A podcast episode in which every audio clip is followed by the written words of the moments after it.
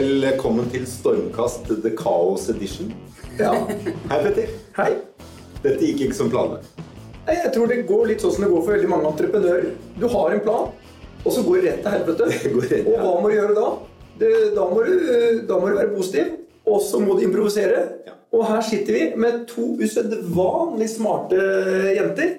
Ehm, og vi, i dag måtte vi selge de bæra vi har, så vi sitter i noen katakomber eh, i et kjellergreie, og vi tar opp med mobiltelefon. Men det betyr ikke at innholdet blir annerledes. Det blir som alltid. Vi leverer varene. Ja, så det, for Vi hadde jo det problemet at har pod mangler studio. Ja. Eh, Det er grunnleggende en, en, et stort problem. Men vi, så beklager for lyden, som jeg, jeg vil tro blir ganske dårlig. Men innholdet blir bra, og det er ikke primært takket være deg og meg. Regel nummer én, bare for å korrigere deg, Per. Vi beklager ingenting. Eh, vi later som eh, det er sånn det skulle være. I dag kjører vi en litt mer sånn uteversjon av den eh, lydkvalitet.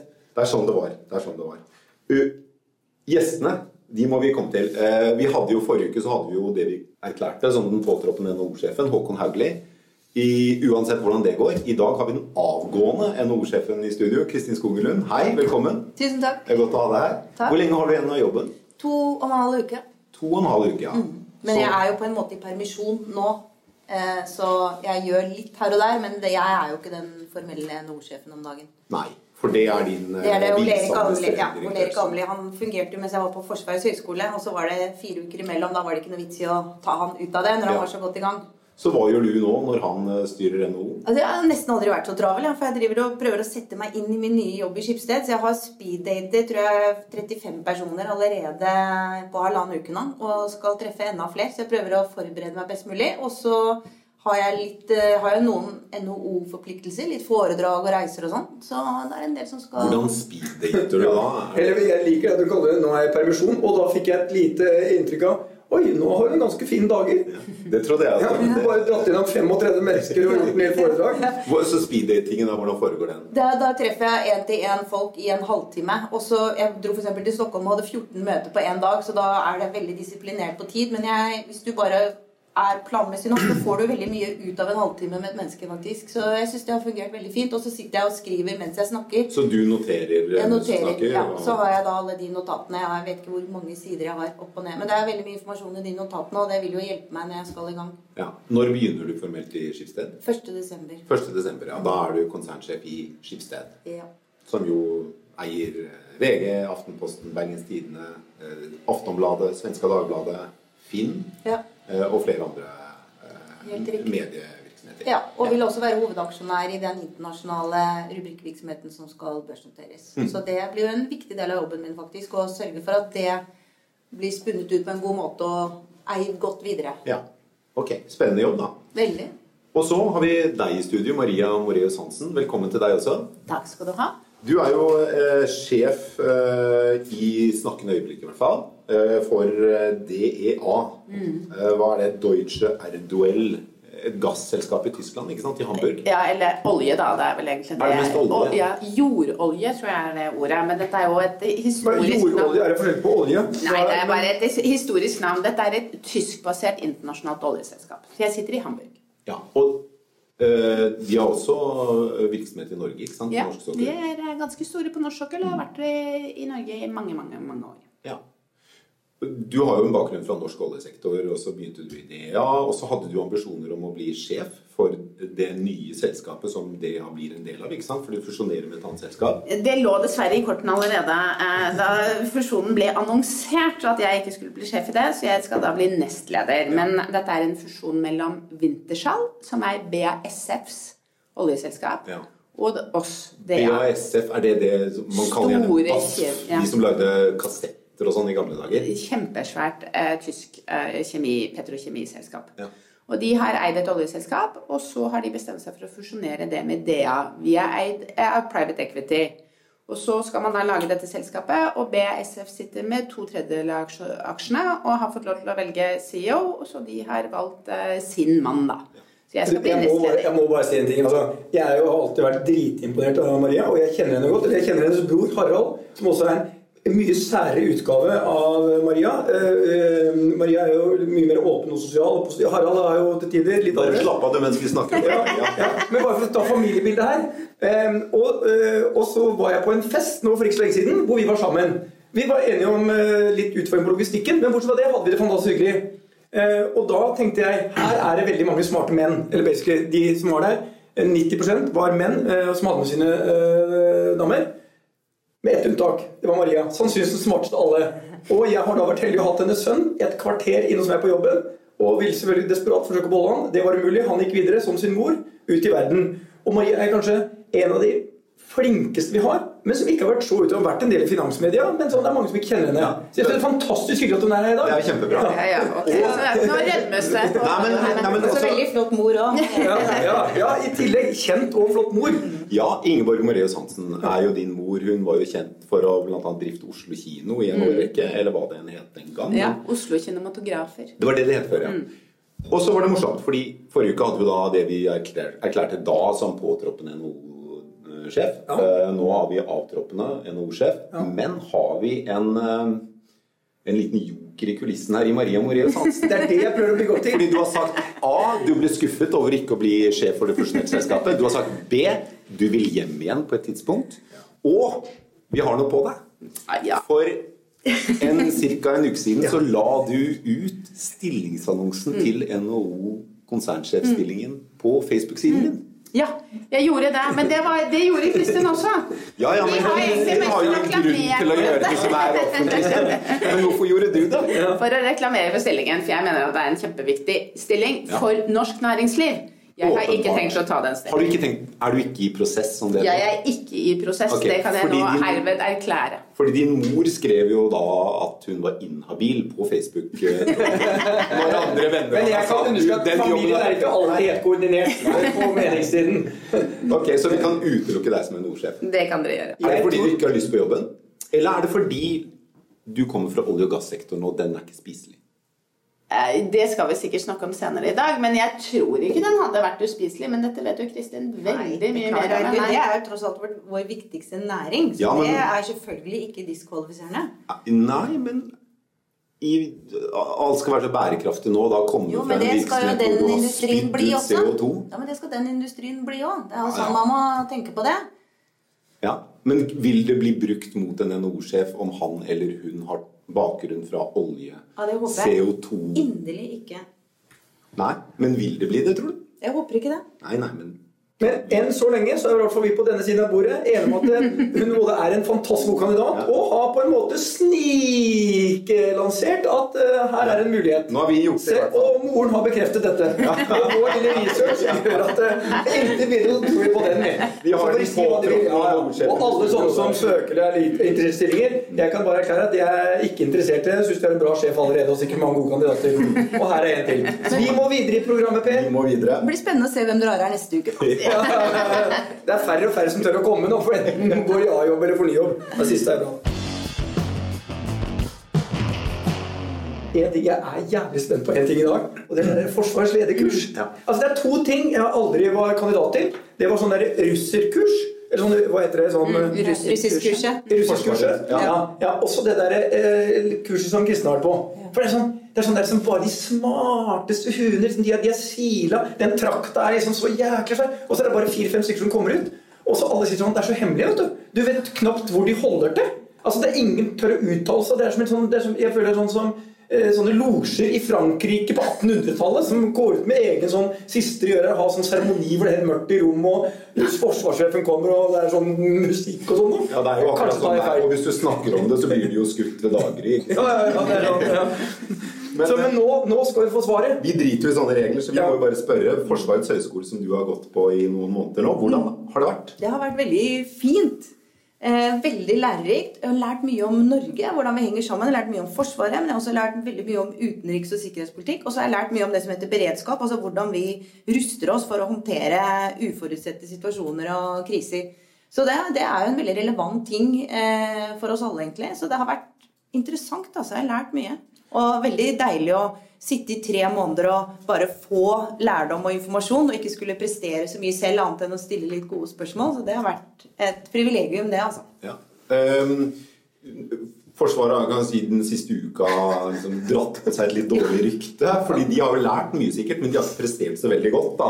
Eh, Skuta gikk bokstavelig talt ned ja, med flagget til topps, riktignok. Det, tror jeg- det tror jeg faktisk skal være. Ja, og det er så bra det der at nei, men dette, vi, Strategien med dette skipet var jo ikke å bli truffet. Ikke å være rigget for å bli truffet. Og når det da ble truffet, eller riktignok traff et tankskip, Ja, så gikk det truffet, det er ganske. Når du sier fra du, det blir kollisjon, det blir kollisjon. Dra til høyre, dra Eller var det babord? Eller var det for å ba- dra babord, dra babord? Nei, nei, vi har full kontroll. Vi har full kontroll. Vi har jo sett, vi har så mange instrumenter her sånn. At her er det så mange radarskjermer, og det er så mye greier at det, det, er sånn. Men kanskje de også hadde et par av de skjermene hvor de så fulgte med på en TV-serie? Det kan hende. Ja. Men Jeg så eh, et litt uheldig oppslag hvor det sto at Forsvaret ville til bunns i sånn Nei! er ikke det de startet pressekonferansen i går? Ja. Men det var før det gikk ned. Men, ja, men, men, Men tilbake til kurset. Ja, ja. Men vi, det, det jeg må vite, hvem, altså, hvem er det som deler Hvordan kommer man inn der? Jo, Du kan må- ikke søke, kan du det? Nei, du må bli nominert. Og så sånn, Hvem er det som nominerer? Sånn som Hvorfor er ikke jeg blitt nominert? Eh, Det er, det er ganske mange som kan nominere, da. Eh, Men altså, halvparten av de som går der, er jo fra det militære. Og ofte de som da er påtenkt å bli ledere, generaler. Visekorporal Stordalen gikk rett ut til høyre her nå. Og så er det halvparten fra sivile, og da er det ganske mange av de ledende fra Vi hadde vel en fem fra fem forskjellige departementer. Det var to fra pressen, faktisk. En fra NRK, en fra TV 2. Og så var det eh, var vi tre, vel, fra det private næringsliv. Tre, ja. Uh, ja. Så ja, litt sånn Så det er en sånn sammensatt. Hvem var de to 20 andre? på kurset, eller? Det var sikkerhetsdirektøren i Equinor, og så var det en fra IBM, som er en cyberekspert og leverer mye av systemene til Forsvaret. Akkurat. Og 20 på kurset, sånn cirka. Nei, vet du, vi var 29. 29 stykker, ja. Ja. ja. Ok. Fin gjeng.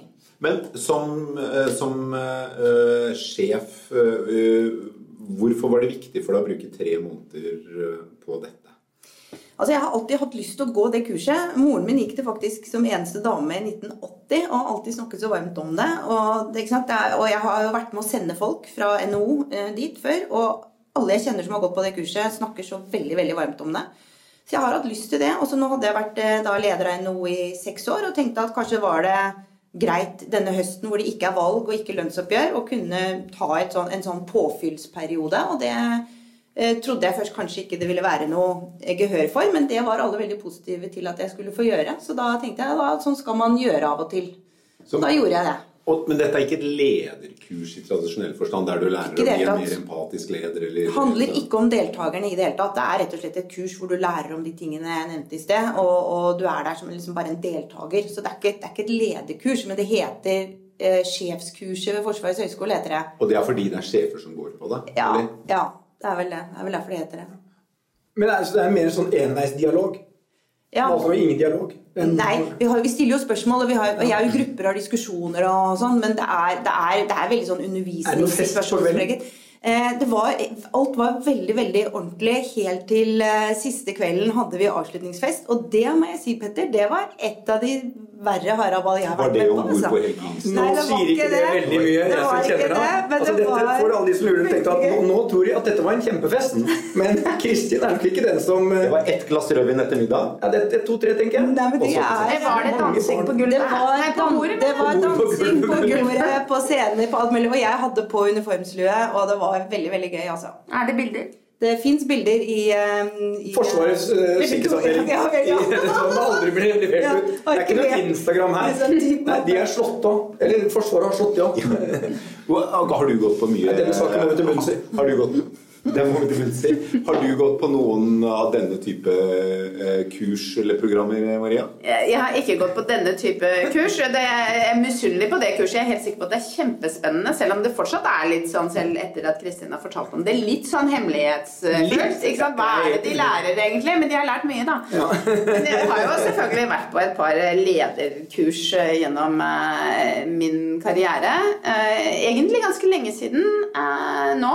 Eh, jeg prøvde Jeg trodde i forbindelse med forrige jobbbytte At jeg skulle få tid til å gå på et sånt på, um, på Insiad eller noe sånt. Liksom et sånt Bare sånn. Insead for de av dere som lurer på det. Det er da selvfølgelig en av toppskolene i Frankrike. og Du må flytende fransk, og det er bare de smarteste som også kommer dit. Nei da, dette er Dette er for å dupere oss ordentlig nå. Det var det eneste som mangler her nå, etter russiskkurs og det der eh, Forsvarets og høysikkerhetsavdeling og sånt. Vi Det var kommer så dårlig ut av dette, Petter. Ikke Ja. klarer vi å hoste opp et studio. Kjøpmannsinstituttets det. kursavdeling. Det er ikke tungt her nå. Men det fikk jeg ikke tid til. Så det er lenge siden jeg har gått på lederkurs. Hva er erfaringen din med sånne lederkurs? Både, både og. Altså, det er jo, som Kristin sier, at en del av disse kursene handler jo om deltakerne. Og så er det hvordan man da oppfører seg uh, i grupper, hvordan man oppfører seg som leder, man får mye tilbakemelding, man skal gå i seg selv osv. Og det tror jeg er veldig avhengig av de du går sammen med, og opplegget. Og jeg har vært på bra lederkurs, og jeg har vært på dårlige lederkurs. Hva er det dårligste du har vært på? Ja, det prøvde jeg å tenke på. Eh, og jeg kan ikke si at det er liksom et sånt kurs, for jeg tenkte at dette er helt hoderystende. Men jeg husker jo da jeg begynte å jobbe, og jeg har jo jobbet i store organisasjoner. Og da jeg husker alltid den derre eh, Du visste at lederen din hadde vært på lederkurs, og så kom han tilbake, og da var det liksom veldig mye dialog de første dagene, og så dør den dialogen ut. Og det er jo sånn du tenker. Og da fikk du liksom at- skriftlig referat fra medarbeider i samtalen. Det var to uker, og så Men det gir jo en sånn liksom Det gir jo en, et, et, en liten bølge av energi og oppmerksomhet rundt ting som du kanskje ikke greier å fokusere nok på i det daglige. Da. Og sånn sett så kan det jo være bra. Det absolutt kleineste jeg har vært på, det var et lederkurs i Skipsted, faktisk. Hvor vi måtte Løpe med bind for øynene og rope på selv. Ja, altså Det var så forferdelig. Og så var det en gang vi måtte eh, Vi skulle tegne våre liv på en sånn stort A3-ark. Og så skulle vi henge det rundt halsen, og så skulle vi gå rundt i ring. Dette var det aller første som skjedde på dette lederprogrammet. Og så skulle vi stoppe opp ved en person, snakke litt om tegningene våre. Og så skulle vi holde kjeft og gå videre. Og sånn skulle vi bli kjent hverandre gjennom tegningene våre med mennesker vi aldri før hadde møtt. Og det var jo helt forferdelig. Er du litt introvert? Jeg heller mot introvert, ja. Ja, Jeg det, det merker jeg nå på måten du tar dette på. Ja, hadde du likt det? Jeg syns det var jævlig spennende. Jeg tegner livet mitt på en, eh, på et, Jeg måtte kanskje hatt litt større enn A3, da, for det er ganske stort. Jeg kunne, jeg kunne gjort det. A, du er A1? Er Jeg, jeg, jeg er A1. Ja. Og, og, og så prate med alle de andre om det på kort tid. Altså, møte masse mennesker. Ja. Jeg er sånn som prater med folk i heisen. Jeg, Per. Men du, så du kunne likt den øvelsen? jeg syns den var ganske spennende. Har du vært på lederkurs selv? Noen gang? Jeg mener kurs generelt gjør én hovedfeil. At nesten 80% av kurs og konferanser handler om at ledelsen står og formidler ting som ikke engasjerer de som er der. Type de skal fokusere på å bedre driftsresultat 1 eller et eller annet. Så skjønner de ikke at det, det viktigste er å formidle liksom, hva, hvor skal vi, hva skal vi gjøre, og få de som er der til å bli fylt med litt energi, litt trøkk. Jeg vil være med på det her. Ikke bare for å heve lønna mi, liksom. Det blir for mye som går bort til noe som kan gjøres i mye mindre fora. Det blir for, blir for mange blir for styrt av sånne som Maria som kom med tallene sine. Hva om oljeprisen går i 6, 40 kroner, liksom? Hva gjør vi da? Det, det engasjerer jævlig lite. Det som engasjerer, Vi merker i Choice, vi har brukt nesten hoveddelen av våre store møter på å trøkke inn begeistring og entusiasme. Men jeg synes også, også For det skaper resultater. Tenk hvor få liksom, Tenk, Alle ting som er skapt i verden, er jo skapt basert på entusiasme og begeistring og en jævlig tro på at dette skal vi få til sammen. Men hvordan skaper du den entusiasmen? Nei, jeg, jeg, Du kan ikke begynne med trening. Du har sånne seminarer og lederkurs hvor det kommer inn en eller annen fyr som har gått uh, fortere enn alle andre på femmila gjennom skogen, og så snakker om ledelse. Uh, og det gir jo ingenting. Uh, I hvert fall gir det ikke meg noe, men mange blir inspirert av det. Eller kanskje ikke, jeg vet ikke. Men norsk næringsliv bruker vanvittige summer hvert år på disse langrennsløperne som snakker om, om hvordan man skal liksom bli bedre selvledere osv. Er det en god investering, Kristin? Det er i hvert fall det jeg tror er viktig, da, og som faktisk det Skipsted-kurset gjorde òg, selv om jeg er litt enig med deg at deler av det var litt Det var- det var for kleine øyeblikk. Det var, det var noen kleine øyeblikk, det er jeg helt enig med deg. Men man blir jo bedre kjent når man er med på sånn. Og verdien av at de som jobber sammen, blir kjent med hverandre og forstår hverandre bedre, det er iallfall jeg opptatt av. Og jeg har vært eh, på noen sånne um, mindre setninger da, med ledergrupper f.eks., hvor du bl.a. tar litt analyser av hverandre. og da er det, Jeg er veldig relasjonsorientert, og andre er ikke det. De kan være veldig sånn kontroll- eller resultatorientert. Og når jeg da tolker deres atferd i forhold til hva det ville betydd hvis jeg sa det, som er relasjonsorientert, så, så blir det feil. Fordi kanskje de kan si noe som jeg opplever som veldig støtende, og så har ikke de ment det sånn i det hele tatt. Som et eksempel. Og da får du liksom Sånne, sånne seanser kan av og til gjøre at man får vasket bort en del sånn skit som, som kan ødelegge relasjoner og sånn. Og det, det har jeg tro på. Den der, eh, at man får større tillit til hverandre. da. Men eh, ja, Bare et lite innspill. for Du, du nevnte idrettsgreier. Northug er jo skudd om den boka. Mm. Men det er én ting. Jeg leste noen som sa at her har ledere mye å lære. Jeg har lest boka, og min konklusjon er for all del, her har ingen ledere noen ting å lære i det hele tatt. Det er en helt spesiell person som har et, en ekstremt egostyrt, er kun opptatt av én jævla person som skal prestere over alle andre. Og det er Petter Ja, Northug. Ja. Og så, det- så de er, etter Det er paradokset at næringslivet henter frem idrettsutøvere. for de er, ekstre, de er styrt av én ting. Det er én som skal lykkes. Den, den klare motsetningen er jo Nils Arne Eggen som skrev godfotteorien om at eh, hvis én spiller går på banen for å bli god, så blir kanskje han god. Men hvis han går på banen for å spille de andre gode, så blir hele laget godt. Og de de tar fram, er jo de derre som har fått 48 gullmedaljer i OL og sånt, nå, og som, har en, som er ekstremt ego. Kanskje man selv skulle hatt mer sånn Øyvind Leonardsen, altså var best uten ball. ikke sant? Han var bare veldig god på å løpe. Han var jo en del av Nils Arne Eggens Ja, ja, ja, ja, ja. eh, Best uten ball. Ja. Men jeg er i hvert fall helt enig med, med Petter, og det tror jeg er en erfaring som alle ledere gjør seg. Du får jo fantastisk mye ut av motiverte ansatte. Så det viktigste som du gjør som leder, er jo å motivere de ansatte. De fleste i store organisasjoner, flinke ansatte hvis du bare greier å motivere dem, så får du jo helt fantastiske resultater. Så må du liksom peke i noen retninger av og til, men det å motivere de ansatte. I forbindelse med denne fusjonen som da er på trappene, så driver jo jeg nå Jeg har ikke speeddating, da, men jeg har én times intervjuer eller samtaler med alle, alle ledere som jeg ikke kjenner, som er liksom kandidater for neste nivå i selskapet. da. Og, og så tenker jeg at dette syns jeg skulle gjort for lenge siden, for jeg lærer jo så mye. Og jeg bare ser på det som en samtale. Jeg, jeg er ikke så opptatt av CV-en. Liksom. Dette handler jo om fortell meg liksom hvem du er, er og hva mener du om de det og det temaet. Ja. Tysk, tysk Det jeg har opplevd av å jobbe ute, for nå jobbet jeg jo tre år i Frankrike, og to år nå har jeg vært i tysk? Jeg snakker ikke tysk. Fransk? Ja. Flytende? Hva er businessspråket? Er det Engelsk. Dette er jo olje- og gassindustrien, ikke sant. Men, så jeg snakker uh, engelsk med dem, og de, disse menneskene snakker jo godt engelsk. Eh, men, men du ser jo at det er store forskjeller i kultur. Mye større enn det Et tysk selskap og et fransk og et norsk. Ikke sant? Så jeg kommer, og det er veldig Akkurat som Kristin sier, jeg begynner å bli mer og mer bevisst at jeg er norsk. Så alt det jeg sier, er jo i min på en eller annen måte satt inn i en norsk ramme. Sånn tenker jeg. Så når de reagerer, så tolker jeg det ut fra mitt ståsted, som er et norsk ståsted. Og det kan bli veldig feil. Og det kan bli veldig feil. Du må lære deg de filtrene. Det er iallfall jeg har hatt stor glede av. Å lære å forstå andre mennesker bedre. da. Men altså, jeg ble fascinert av en ting. Du har en norsk kultur, eh, tysk og fransk. For meg så er det sånn Bare gi kort beskrivelse av jeg, jeg ser for meg at tysk, da, det lederen sier, det er lov. Norsk så sier lederen noe, og så har jeg masse diskusjoner og forskjellige oppfatninger om det. Mye sånn, og den franske har jeg ingen formening om. Det er litt mer sånn øh, vin og ost øh, Lange Men, men kan du nå, men nå, nå, nå kan du alle disse. Gi oss en kort beskrivelse av hvordan du skal slå sammen da den litt sånn uh, autoritære tyske lederstilen med den franske uh, vin og rødvin og ost pluss den norske litt mer sånn Ok, hører lederen hører hva han sier, men vi gjør det på vår måte. Men, eh, og det er jo, Dette er jo en lang utredning, men det som jeg tenker at jeg kan si, og det er jo litt relevant fordi Kristin er her også, det er jo at én ting som jeg mener er- vi skal være så stolte av, og jeg blir stoltere og stoltere av for hver dag jeg er ute, det er jo trepartssamarbeidet og den måten som vi er, har en dialog mellom ledelsen og ansatte på. Og det jeg opplever er at I Norge så er dette tillitsbasert og gjenbyrdig forhold. I Frankrike så er det litt sånn at eh, du kan få inntrykk av at de ansatte, og gjennom sine organiseringer, om det er fagforeninger eller Works Council eller sånn, mener at eh, ledelsen vil hvert på ethvert tidspunkt forsøke å, å utnytte sin maktposisjon, og at det er viktig å på en måte hele tiden utfordre det, og på en måte sørge for at de ikke kan gjøre det.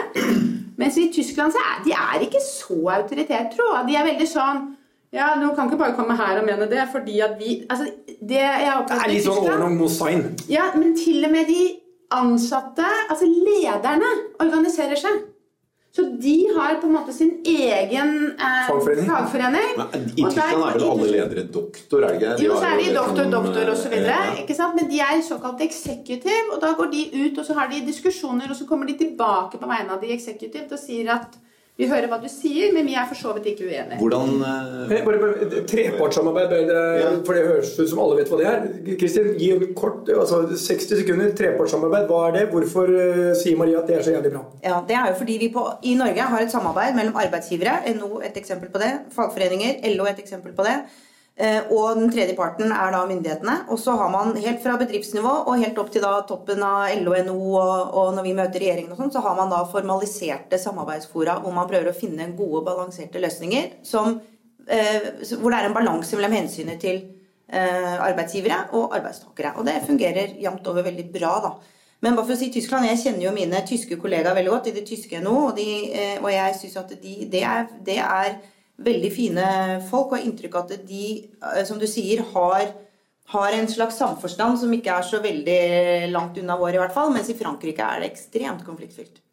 Veldig preget av det, altså. Men jeg må også få si en ting til, Maria. At jeg, jeg, jeg syns jo alltid du er så tøff som jobber i, liksom, i den bransjen i disse landene. Altså, det tror jeg er veldig mye tøffere enn det vi andre har vært eh, borti.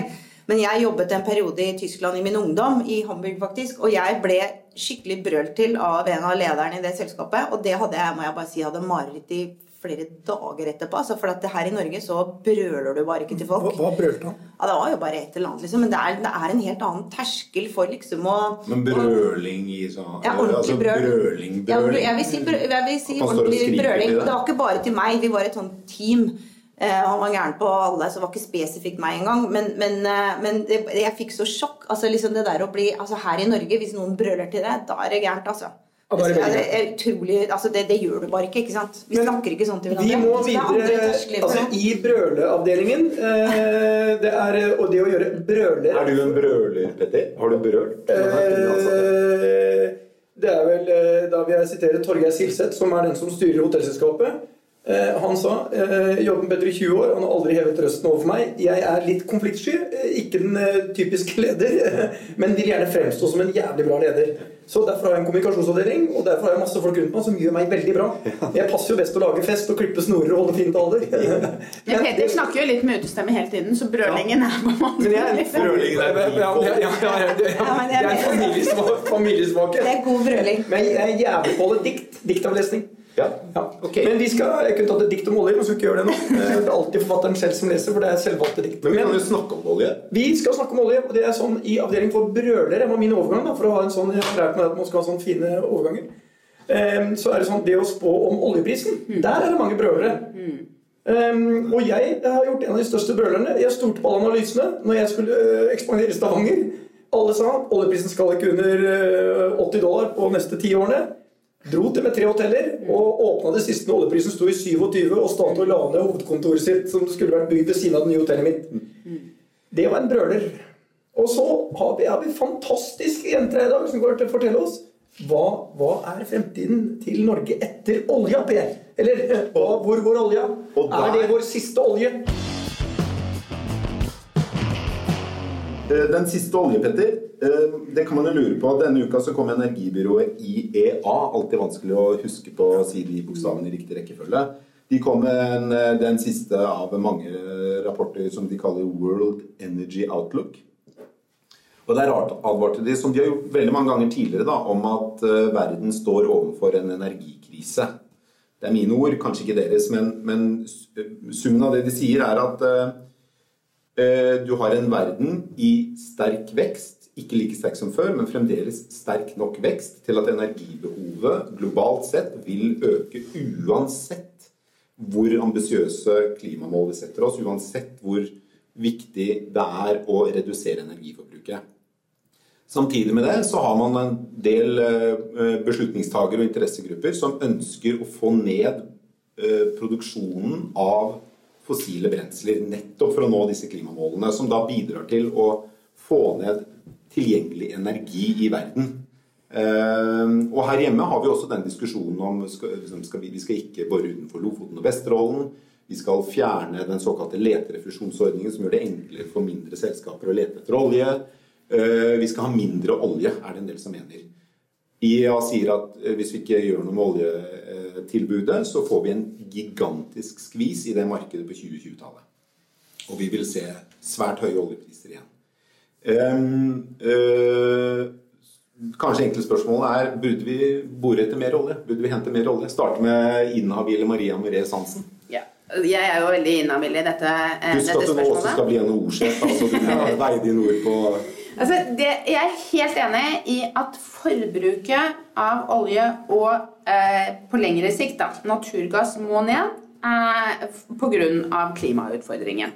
Og så er jo da spørsmålet får vi forbruket ned ved å produsere mindre i Norge. Og det tror jeg faktisk ikke. Så det er jo mer spørsmål om hva ønsker Norge å gjøre som nasjon? Hvordan ønsker vi å være? Og, øh, og det er jo klart at Norge er jo en er jo, Det er jo et paradoks, på en måte. Norge er en av de mest energirike land i verden. Altså jeg tror vi er så rike på vindkraft. Vi har jo den grønneste energimiksen nesten i hele verden. Og så er vi basert på vannkraften. Og så er vi storeksportør av olje og gass. Og i Norge så har jo regjeringer vært felt på at man ikke kunne bruke naturgass til å produsere elektrisitet i Norge. Så det er jo et, liksom, et paradoks hele hvordan vi, eh, vi eh, driver som energinasjon. Eh, jeg opplever at, eh, Norge, at olje- og gassindustrien har et, et relativt godt omdømme i Norge. Og jeg aksepterer fullt ut at eh, man debatterer fremtiden til, til norsk olje og gass. Og det jeg tror jeg er en viktig lederoppgave å stå i den diskusjonen.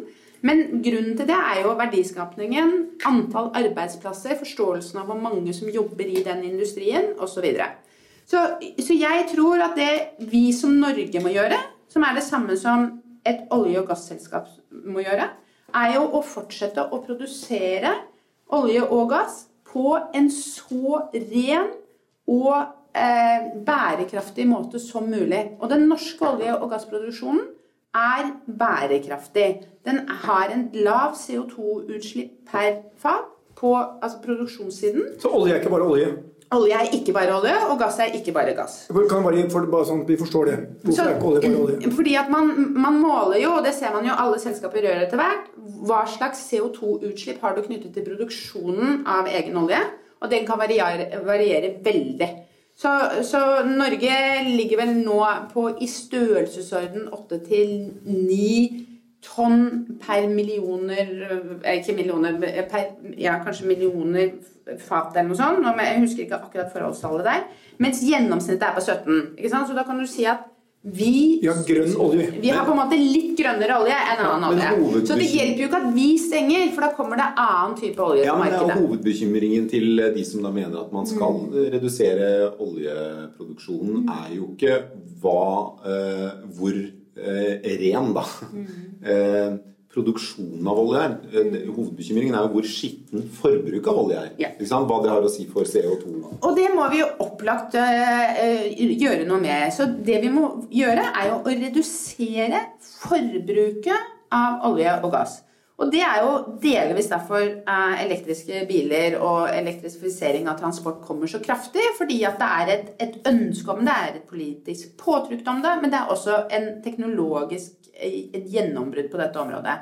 Men så ser man at det som kommer til å holde forbruket av olje, da, hvis du ikke snakker om naturgass, men olje oppe fremover, er jo særlig petrokjemi og industrien som kommer til å øke eh, etterspørselen etter olje. Eh, Jeg mener dog, altså fordi at IA har jo en, en analyse som de kommer med hvert år, eh, som er en veldig sterk og tydelig referanse i hele energidebatten.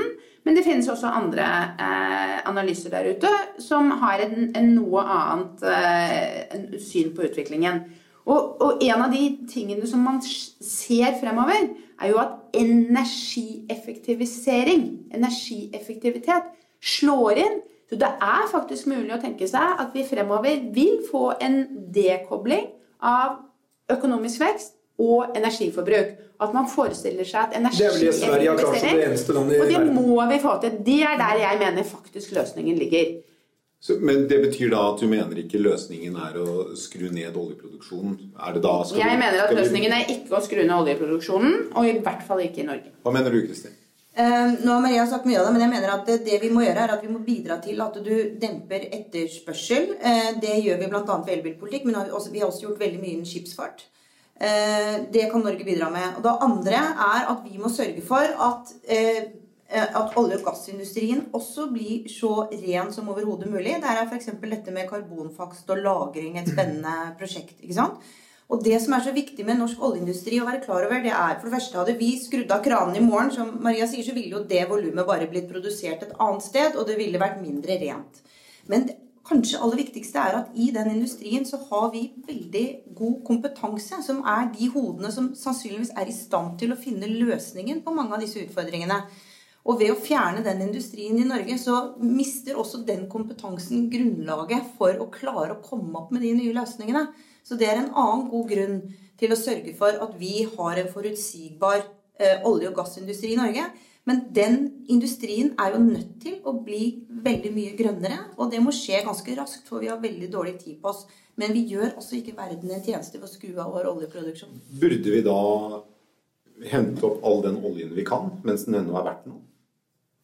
Hvis du skal bare tenke hva som er økonomisk interessant for Norge, så kan du kanskje si det. Men jeg tenker at uh, i, et, i et, klimaperspektiv så er det viktigste at vi har forutsigbarhet i denne bransjen. For det er veldig lange løp fra du bestemmer deg for å utvikle et felt du faktisk produserer noe, kan jo ta opp mot 15 år. ikke sant? Men det viktigste er den forutsigbarheten og at denne bransjen får anledning til å komme opp med de løsningene vi trenger Eh, det være seg karbonfangst eller andre ting. Og så må vi jobbe politisk med å sørge for at det lønner seg eh, hele tiden å ha lavest mulig utslipp. Det beste hadde vært en CO2-skatt eh, som hadde vært global. Det er det ikke enighet om i verden. Så det, det hadde vært det aller beste og mest effektive virkemidler. Og det, det, er vi veldig for, men det tror jeg ikke er realistisk, dessverre. Men det, sånn, det, det er også når du nevner IEA så snakker de om CO2-utslippene, og de, jo, altså de har jo analyse på klimamålene våre. Og de sier at det basically, eh, de målene vi har der, det er bare i ferd med å bli en stor kollektiv eh, fiasko, hele greiene. Og vi er ikke i nærheten av å nå det. Og da står vi overfor et scenario som eh, vi kanskje har et moralsk ansvar for å ta del i. Det som er interessant, Maria sitter på toppen av disse selskapene som lever av å ta opp olje og gass. Det er interessant at det er fokus også hos dere på at dette er en problemstilling. Er det din oppfatning, Maria, at de du jobber sammen med, og de du møter, forstår og aksepterer at vi har en klimakrise, og at vi går mot et scenario som ikke er bærekraftig for verden? Ja. Det er min oppfatning. Og dette er jo uh, gjenstand for betydelige interne diskusjoner i selskapene og i bransjen som sådan. Og så har man sett forskjellige typer oppførsel fra forskjellige typer selskaper. Eh, I min forrige jobb så solgte jo jeg Engis olje- og gasselskap eh, til private equity. Og de ønsket ikke lenger å uh, ha et oppstrøms olje- og gasselskap. Delvis selvfølgelig for å finansiere en I Engie så snakker man mye om energy transition. ikke sant? Man ser for seg en elektrifisering, en digitalisering, en mye mer distribuert kraftproduksjon fremover. Eh, delvis for å finansiere det, men også fordi at man mener at man skal ikke drive med kull og man skal ikke drive med olje og gass. Og så har du disse selskapene som f.eks. Equinor eh, eller eh, Shell og, og Total, som jo er i ferd med å bredde porteføljen sin og blir jo det som energiselskapet var i gamle dager. De blir både et olje- og gasselskap og et energiselskap. Produserer strøm. Og så er det noen selskaper, sånn som det selskapet som jeg nå leder, før vi fusjonerer med, med Wintershall, som er et rendyrket olje- og gasselskap. Oppstrøms olje- og gasselskap.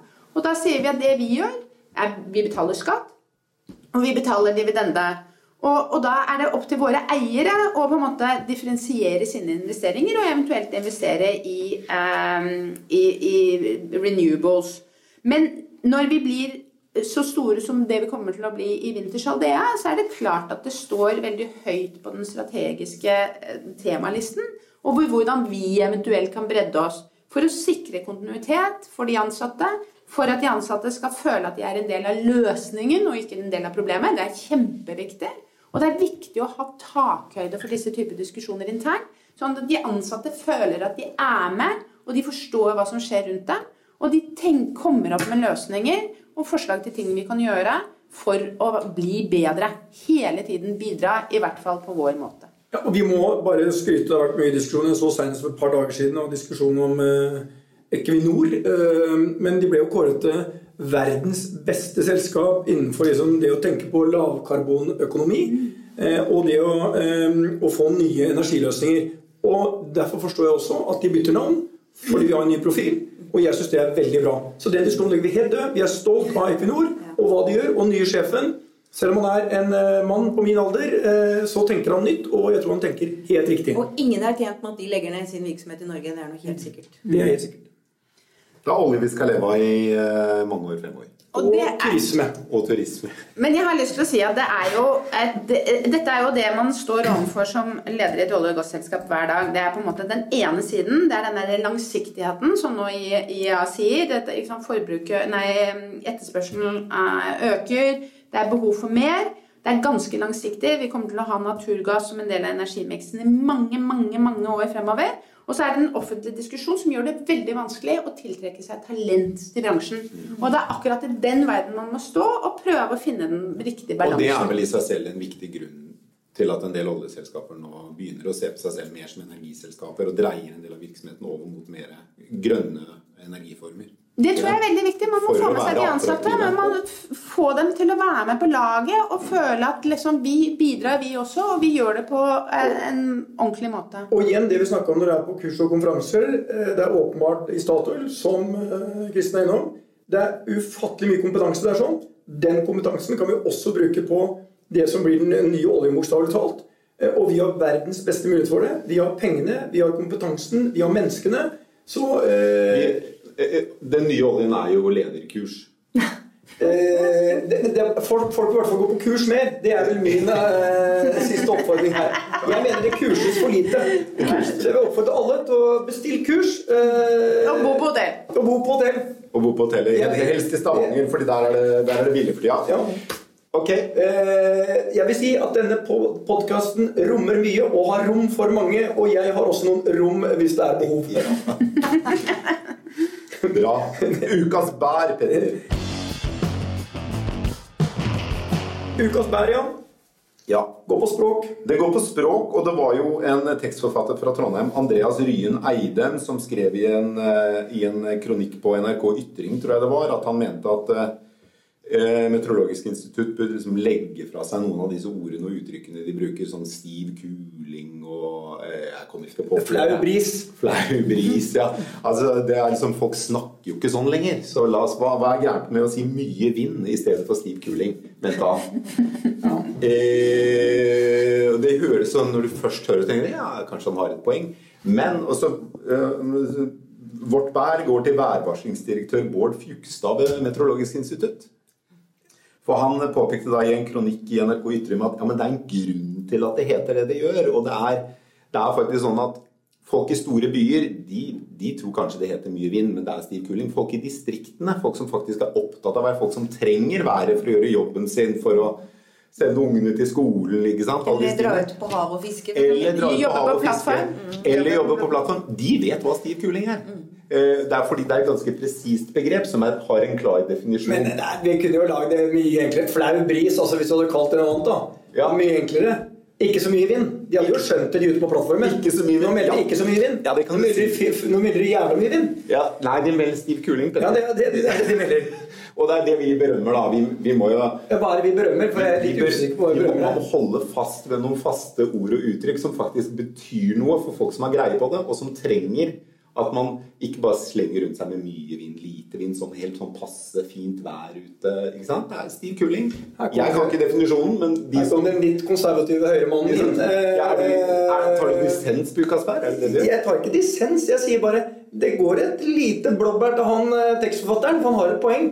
Hvis du spør alle under 25 dag vet du hva flau bris er, de vet jo hva bris er. Ja, de vet hva brisen er, men ikke hva brisen er. Ja. Så, det, så, så, jeg tror De tror det er en, en drikk, de. Ja, det, det, det heter noe annet. Med mindre salt og kullsyre. Det er det de tror det er. Så, så jeg eh, vil si eh, enig at vi må holde på det bestående, men det er aldri galt å tenke nytt. Eh, og jeg tror vi hadde forstått det. Ja, ok, men da sliter vi litt med Vi, vi sender et lite blåbær et, et, blåbær til Eidem. Et metaforisk eh, blåbær til Eidem og et øh, jordbær til Bård Fjugstad i Meteorologisk institutt, da.